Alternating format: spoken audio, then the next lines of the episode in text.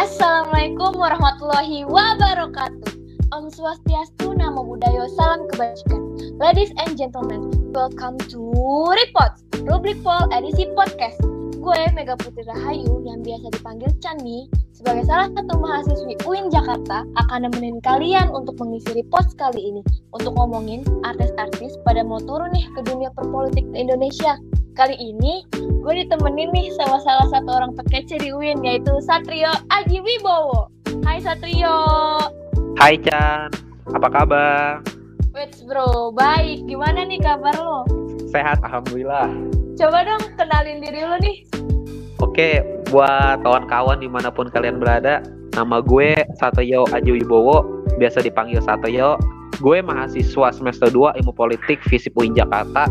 Oh ya Satrio, gue mau nanya dong, kesibukan lo kali ini apa sih? Ya, kesibukan gue sibuk belajar, sibuk organisasi.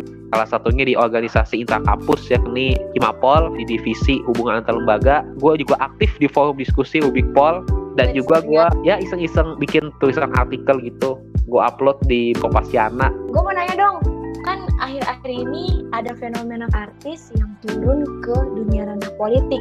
Contohnya sebenarnya banyak ya, salah satunya ada Agnes sama Raffi nih yang diusung sama partai PKB.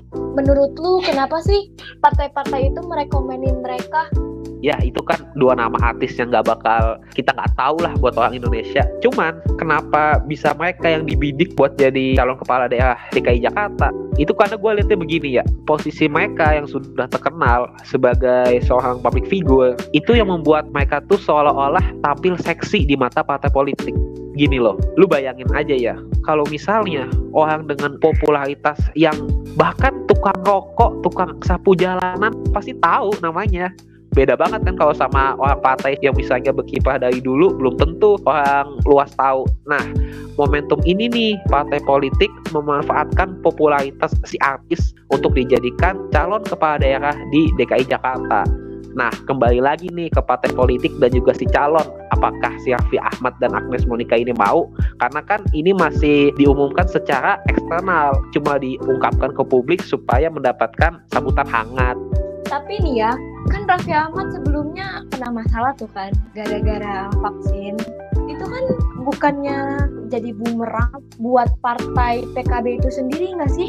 Tapi mengapa sih PKB itu kayak masih kekeh gitu megang Raffi?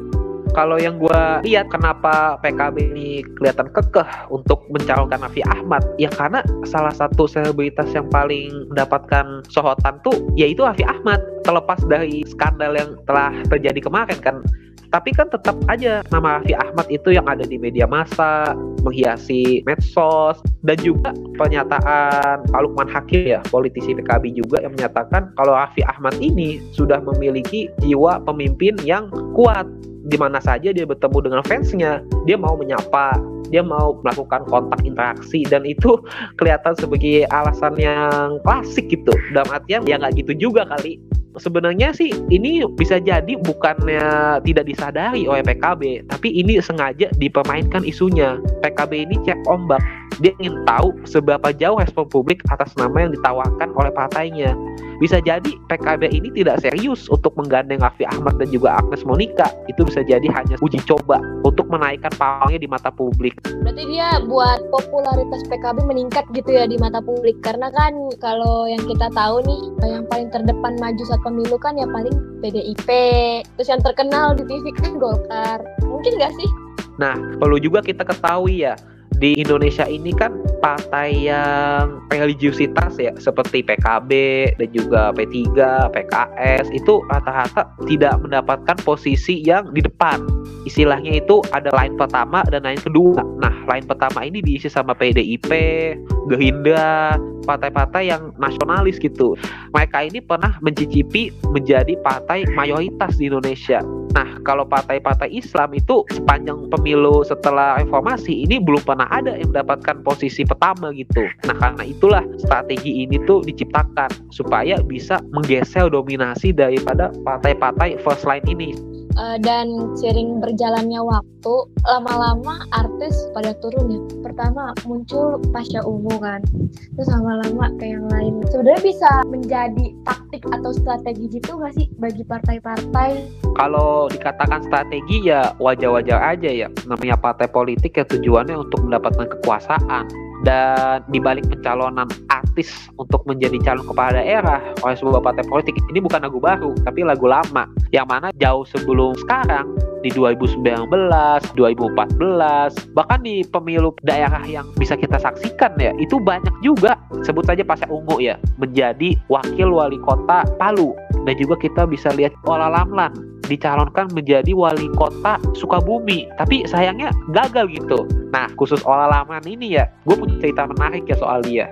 Karena gue itu kenal sama keponakan dia yaitu Keisha yang gue cukup akrab sama dia. Karena satu alumni sekolah juga di SMP Bakti Mulia 400 dan gue dapat wawasan lebih dalam dari dia tentang kenapa sih akhirnya orang Laman itu pengen banget bisa jadi wali kota Sukabumi gitu. Dia bilang gini ke gue kalau misalnya artis untuk menjadi pejabat publik itu sebenarnya tuh bukan untuk menjadi perisai tameng tapi untuk menjadi ban serep. Dalam artian artis itu bukan diposisikan sebagai first leader tetapi menjadi second leader yang mana tujuannya untuk menggiring opini publik memilih dia.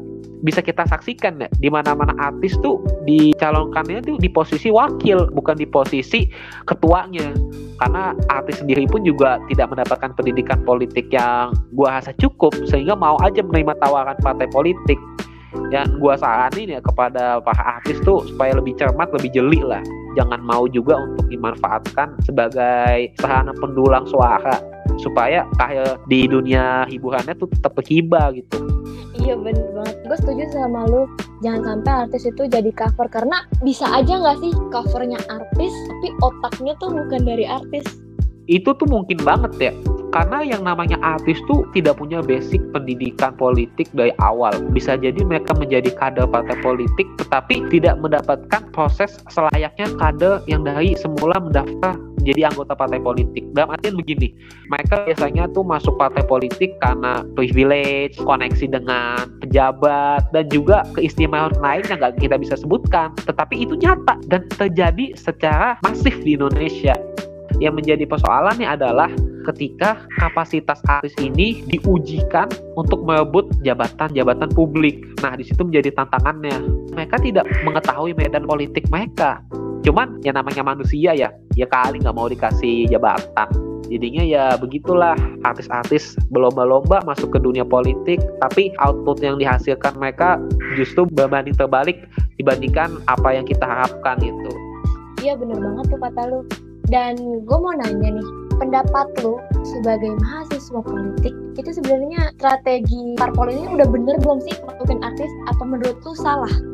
Kalau ditanya benar atau salah itu balik lagi kepada partai politik itu sendiri ya tapi kalau lu nanya gue sebagai mahasiswa politik gue dengan tegas menyatakan itu salah Kenapa? Secara tidak langsung, partai politik berusaha untuk membunuh karir artis tersebut.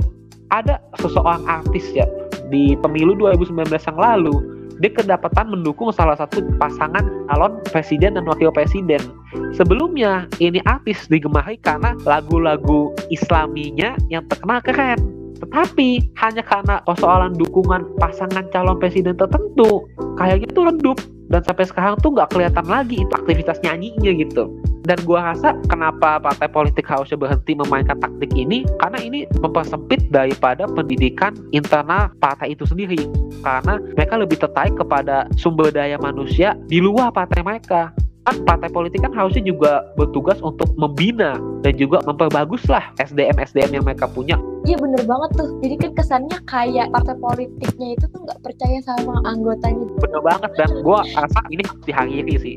Jangan keterusan. Kasihan juga artis. Dan gue rasa ya ini bukan kesalahan mutlak partai politik ya. Tapi ini ada juga kesalahan di artisnya, di mana dia tuh tidak bisa mengontrol dirinya untuk tidak keluar dari bidang yang telah ia tekuni gitu kalau misalnya ada artis yang potensial untuk menjadi tokoh politik, ya itu kita nggak menafikan ya. Kalau kita bayangkan seperti di Amerika, Arnold Schwarzenegger menjadi gubernur California, kan itu sukses, itu enak ya. Kita pengen banget tuh kayak gitu. Tapi kan nyatanya di Indonesia nggak kayak gitu. Contoh Rano Karno jadi gubernur Banten, apa yang dia lakukan? Nggak ada kan bisa dijadikan uh, role model nggak buat artis-artis lain? Nggak juga Nah, itu tuh di kedua belah pihak harus sama-sama mengetahui tupoksi masing-masing.